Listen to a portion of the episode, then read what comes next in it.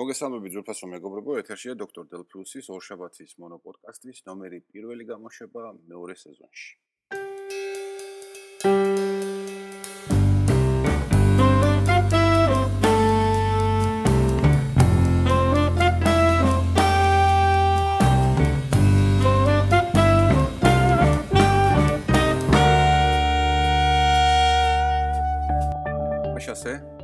დღეს 2 სექტემბერია და როგორც დაგგვირდით, ბოლო გამოშვებაში მე-15-ში, ეიდან ჩვენ განვაახლებ ჩვენს გადაცემას.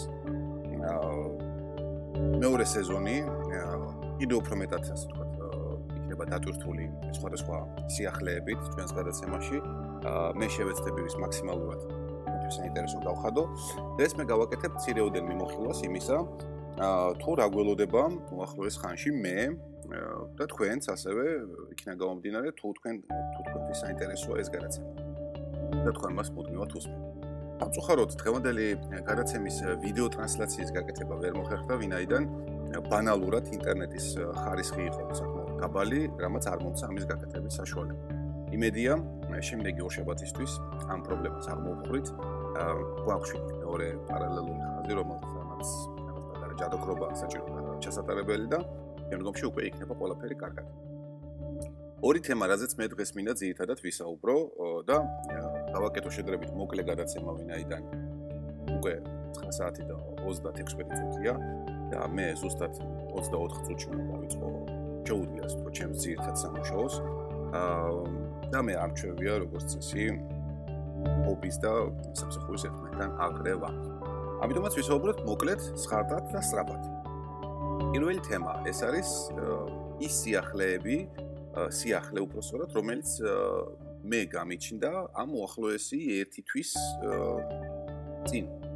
კერძოდ, არ ვიცი სხვისთვის როგორ, მაგრამ ჩემთვის მე ასე თქვა უცებ მოვკარი თვალი ერთ-ერთ უცხო ინტერნეტ გამოცემაში ზვერჩი სიახლეს იმის შესახებ რომ YouTube-მა შედარებით გაამარტივა აა თავის არხზე, თავის საიტზე, ფშოთ YouTube საიტზე live პრეზენტაციების და live ეთერების გაშვების საშუალება.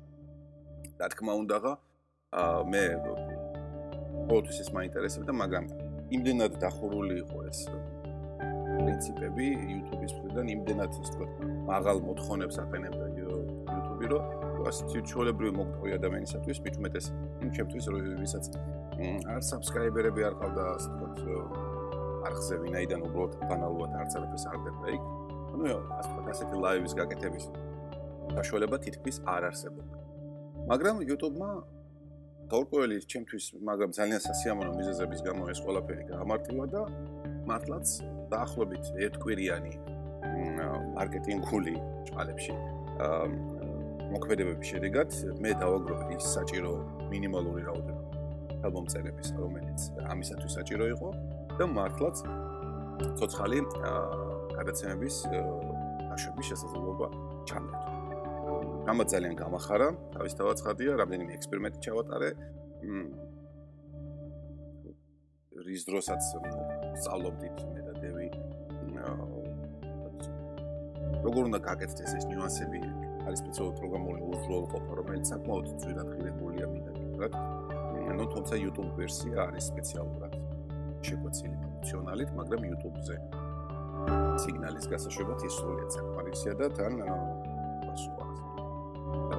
მოკლედ მეტნაკლებად რაღაც რაღაცები ვისწავლეთ, თუმცა აუდიო პოდკასტინგი ხომ საკმაოდ ძვირად ღირებული სიამონება, იმიტომ რომ ძალიან კარგი ხარისხის მიკროფონი, მიქჩერები, აუდიო ბარათი და ასე შემდეგ და ასე შემდეგ.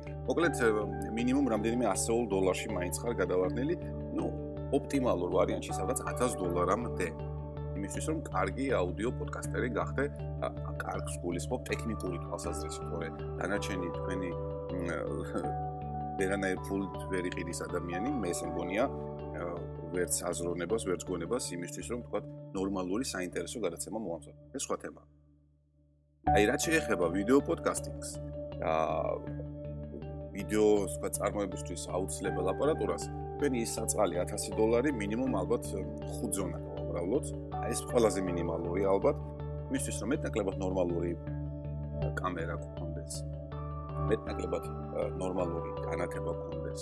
აქ უკვე აუდიოსგან გასწრებით, რომელიც პრინციპში და იდეაში შეიძლება ნებისმიერ ადგილას ჩაიწეროს, თავარია ნორმალური დინამიური მიკროფონი გქონდეთ, რომ ვთქვათ, ოთახის კონფიგურაციის მიუხედავად ნორმალური შედარებით ნორმალური ხმა მიიღოთ ეკოების და სხვა გამურუდებების გარეშე.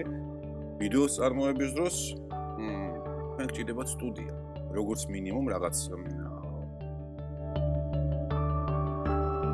თუნდაც ოთახი საკუთარი ბინაში რაღაც დროებით გადაკეთება, მწვანე აჭრით დაფარვა იმ სივრცისა, რომელშიც უნდა მოხდეს გადაღება, რათა შემდგომში მოხდეს განხარეს კადრის ჩანაცვლება და ასე შემდეგ და შემდეგ. ან თუნდაც იყოს რაღაც ისეთი ლამაზი ინტერიერი, რომელშიც რომელიც თავის მხრივ არ გამოიწვევს მაყურებლის ვიდან რაღაც ზიზღს და უსიამოვნებას და თქვა თქვენ იქ შეძლებთ ამ ყველაფრის გაკეთებას. მოკლედ თუ აუდიო გადაცემის ჩაწერა არის თელრიგ პრობლემებთან დაკავშირებული, ვიდეო გადაცემის ჩაწერა ათმაგებულია ამ პრობლემების თვალსაზრისით. ნაიდან ძალიან ძალიან ბევრ შრომას, ძალიან ბევრ მოდომებას მოითხოვს და რა თქმა უნდა აპარატურას მოითხოვს, რომელიც არც თუ ისე იაფია სამწუხაროდ და აა რაღაცა ნოუთბუქში ინტეგრირებული ვებკამერით ან მსგავსი აპარატურით კი თეორიულად შესაძლებელია რაღაცის გაკეთება, მაგრამ პრაქტიკულ თვალსაზრისით ხარისხი ვერ იქნება, მაინც და მაინც ძალიან ამბეჭდავი და საინტერესო. მაგრამ მოდი დაუბრუნდეთ ისევ ამ YouTube-ის არხს. რა თქმა უნდა გამიხარდა რა როგორც გითხარით რაღაც რამდენიმე ექსპერიმენტი ჩავატარე და შემდეგ გულდამშვიდებული წავედი ზღვაზე. აქაც პატარა ჩანარს გავაკეთებ ვიყავი შეკვეთილში.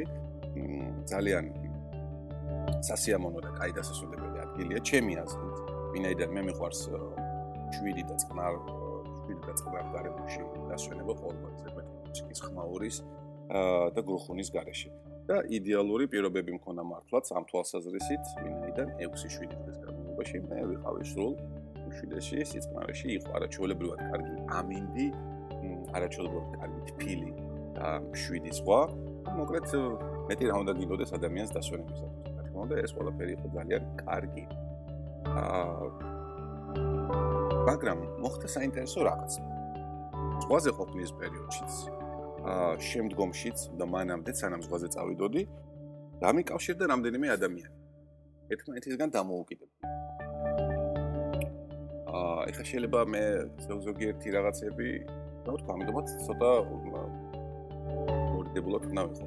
მოკლედ არის დაინტერესება მთელი რიგი ადამიანების მხრიდან იმისათვის რომ საქართველოსი გაკეთდეს რაც შეიძლება მეტი კარგი გადაცემა ტექნოლოგიურ თემებთან დაკავშირებით.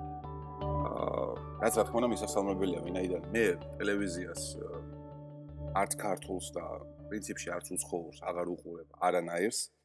გარდა იშვიათი ძალიან იშვიათი გამონაკლისებისა, ვინაიდან პოლიტიკა ტელევიზია დატენილია და მაქსიმალურად არის ათვისებული პოლიტიკის მხრიდან. და შედრებით მცირე ნაწილი აქვს დათმობილი კულტურას, სპორტს. მეც რაც რა თქმა უნდა საჭიროა, მაგრამ არ შეიძლება ასეთი გიგანტური პოზიცია იყოს და პრაქტიკულად არ არის ქართულ ტელესივრცეში არანაირი გადაცემა, რომელიც ისაუბრებდა ტექნოლოგიურ სიახლეებზე, როგორც საზღვარგარეთ, ასევე ქვეყნის შიგნით. არაფერი. არანაირი ინტერვიუები, არანაირი მიმოხილვები, არანაირი დაიჯესტები. არაფერი არ ხდება საერთოდ ამ მიმართულებით ერთი ორი ეს თქვა ბლოგი ფაფხურობს რაღაცას და ტექსტურად წერს. აა ნავიგატორი ბლოგი და ვიცი თუ კიდე რამე არსებობს შემომეშვიდეთ კომენტარებში დაწერეთ და აუცილებლად გავაშხერებ მათაც. აა აუდიო ფასაზრისით იყო ერთი ბეტა ვერსია რომელმაც საფუძვლად ჩაილურის გალდალია და ოდესმე როგორ როგორ აღორძინდება და რასახით ეს ჯერჯერობით უცნობია. და არის თქვენი მონომორჩილის ეს ბლოგი, რომელიც პრინციპში ტექნოლოგიას მაინც და მაინც არ ეხება, არამედ ეხება უბრალოდ ჩემს ცხოვრების გარკვეულ მომენტებს, რომელიც ზოგიერთ ადგილებში შეიძლება იკვეთებოდეს ტექნოლოგიები. აა ზოგიერთში არ შეიძლება არ იკვეთებოდეს და ასე შემდეგ. აა და მორჩა, მეტი არც არაფერი აღარ არის.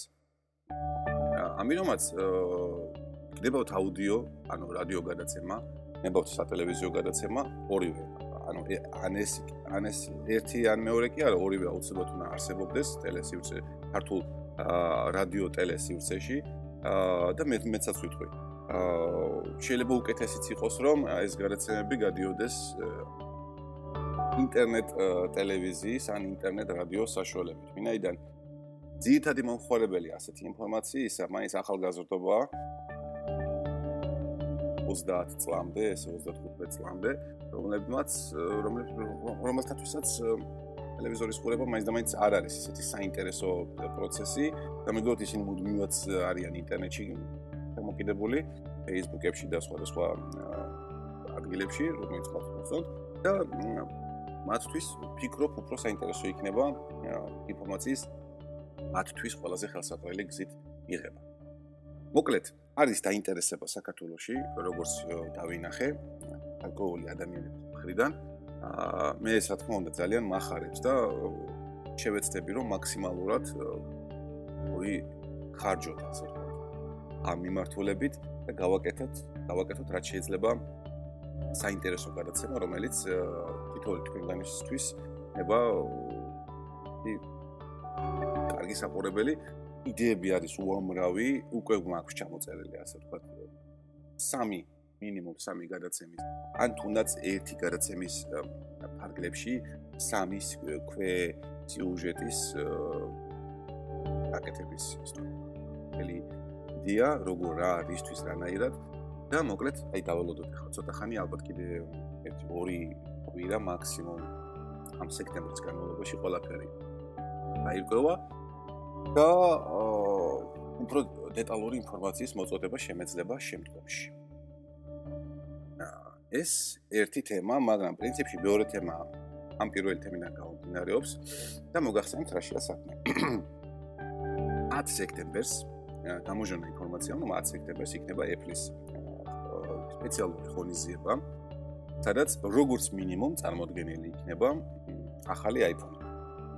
აა და მრავლობითი ვთქვი ყურადღებით, არა უბრალოდ ერთი ახალი iPhone 5S-ი, არამედ წარმოქმნილი იქნება ასევე მეორე მოდელი, შედარებით იაფფასიანი, საბიუჯეტო მოდელი, რომელმაც რომელიც ფიქრობ რომ ძალიან ბევრისთვის საინტერესო იქნება.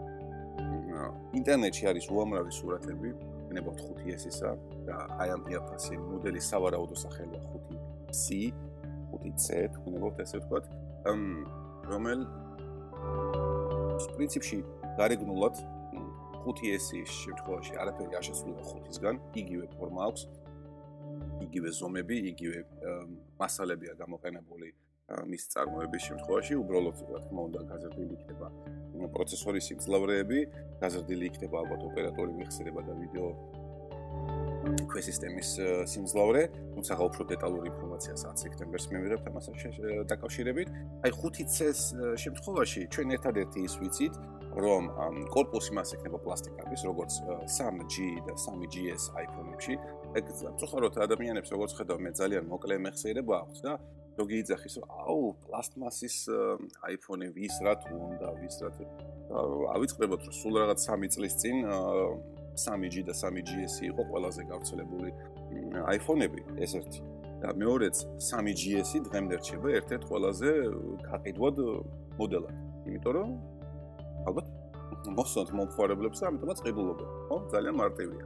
ასე რომ მე ამ ადამიანებს, ვინც ამაზე ჭიჭყინებს, მინდა უთხრა, რომ მეგობრებო, გაიხსენეთ 3G, 3GS იყო პლასტიკატის და ხალხი მას ძალიან კარგად ყიდულობდა და ძალიან კარგად სარგებლობდა ამ ტელეფონით.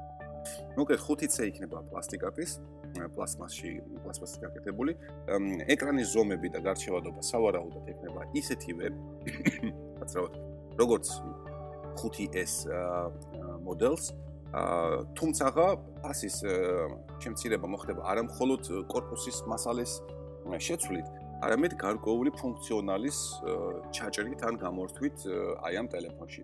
თუ რა და როგორ იქნება იქ ჩაჭრილი და გამორთვილი ჯერჯერობით უცნობია, არის მithქმა მოთხოვნა და მე არ გავაჟღერებ ამას, იმიტომ რომ არ მინდა კიდევ ერთი თორების წყარო გავხდე.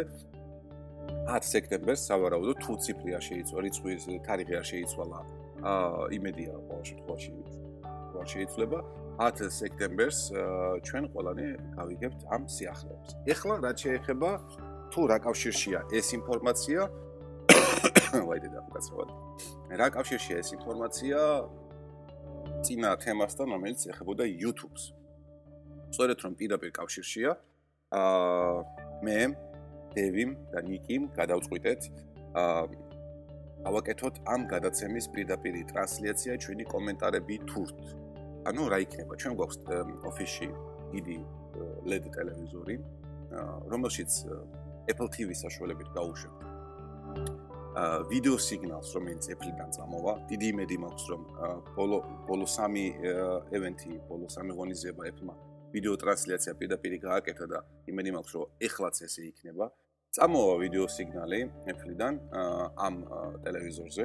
ჩვენ ამ ტელევიზორთან შევიკრიბებით მე, დევიდ ნიკი გარშემო. აა ჩვენ ჩვენი ლეპტოპები, ჩვენ ჩვენი წყობილობებით. აა და პირდაპირ ეთერში სრულობისას გადაცემის ტრანსლაციის სრულობისას გავაკეთებთ მიმოხილვას გავაკეთებთ ანალიზს, ჩაუტარებთ ანალიზს თუ რა გამოდის, როგორი გამოდის, როგორია ჩვენი მოსაზრება ამ თუ იმ პროდუქტთან დაკავშირებით, მოგწონს, არ მოგწონს. გავაკეთებთ ისტორიულ ექსკურსებს წარსულში სტივის მიერ წაყვანილი პრეზენტაციებთან დაკავშირებით. შევეცდებით ჩავრთოთ პატარ-პატარა ვიდეო კლიპები წინა გადაცემებიდან, წინა ტრანსლაციებიდან, რომელიც უხვათა აქვს უკვე და ჩვენ შენახული გვაქვს თითოეული მათგანი ძალიან სათუხად ჩვენს ვიდეოთეკაში. მოკლედ ვფიქრობთ, რომ იქნება ძალიან საინტერესო გადაცემა. ძალიან საინტერესო ინფორმაციის მოწოდებით, რა თქმა უნდა, თქვენთვის და აუცილებლად გვიყურეთ. სავარაუდოდ პირველი რაც შემიძლია ვთქვა, რომ ეს იქნება 10 სექტემბერს, საღამოს 8 საათიდან, ანუ 20 საათიდან დავიწყებთ ტრანსლაციას YouTube YouTube-ის ჩემს არხზე. აა თუ თარიღი შეიცვალა, თქვა Apple-ის გამო, ამას რა თქმა უნდა აუცილებლად მიგატყობინებ, რომ ამ პოდკასტის საშუალებით, ჩემი ბლოგის საშუალებით, Facebook-ის საშუალებით გემოგის ჯგუფში რა თქმა უნდა დაიწერება. აა მოკლედ, გეგმები არის ძალიან დიდი. ეს გადაცემა ჩვენთვის იქნება, ასე ვთქვათ, ეს საპილოტე ვარიანტი ჩვენი მოღვაწეობის ვიდეო სფეროში და იმედია რომ კარგად გამოგვივა. თქვენი ყოველ შემთხვევაში თქვენი ხარდაჭერის დიდი იმედი გვაქვს და თქვენი მხრიდან ასევე ტექნიკური შენიშვნებისა წინადადებებისა და ასე შემდეგ და ასე შემდეგ. დღეისთვის პრინციპში სხვა ინფორმაცია არ მაქვს, ვინაიდან ეს მაქვს ძალიან დაძაბული გრაფიკი და აუცილებლად უნდა ავაკეთო ძალიან ბევრი საქმე, ამიტომაც მე ახლა თქვენ დაგემშვიდობებით. დიდ მადლობას გეტყვით იმისთვის, რომ ისმენთ და აა საუკეთესო სურვილებით შემდგომ ვორშებათამდე დაგემშვიდობებით. კარგად საქმე.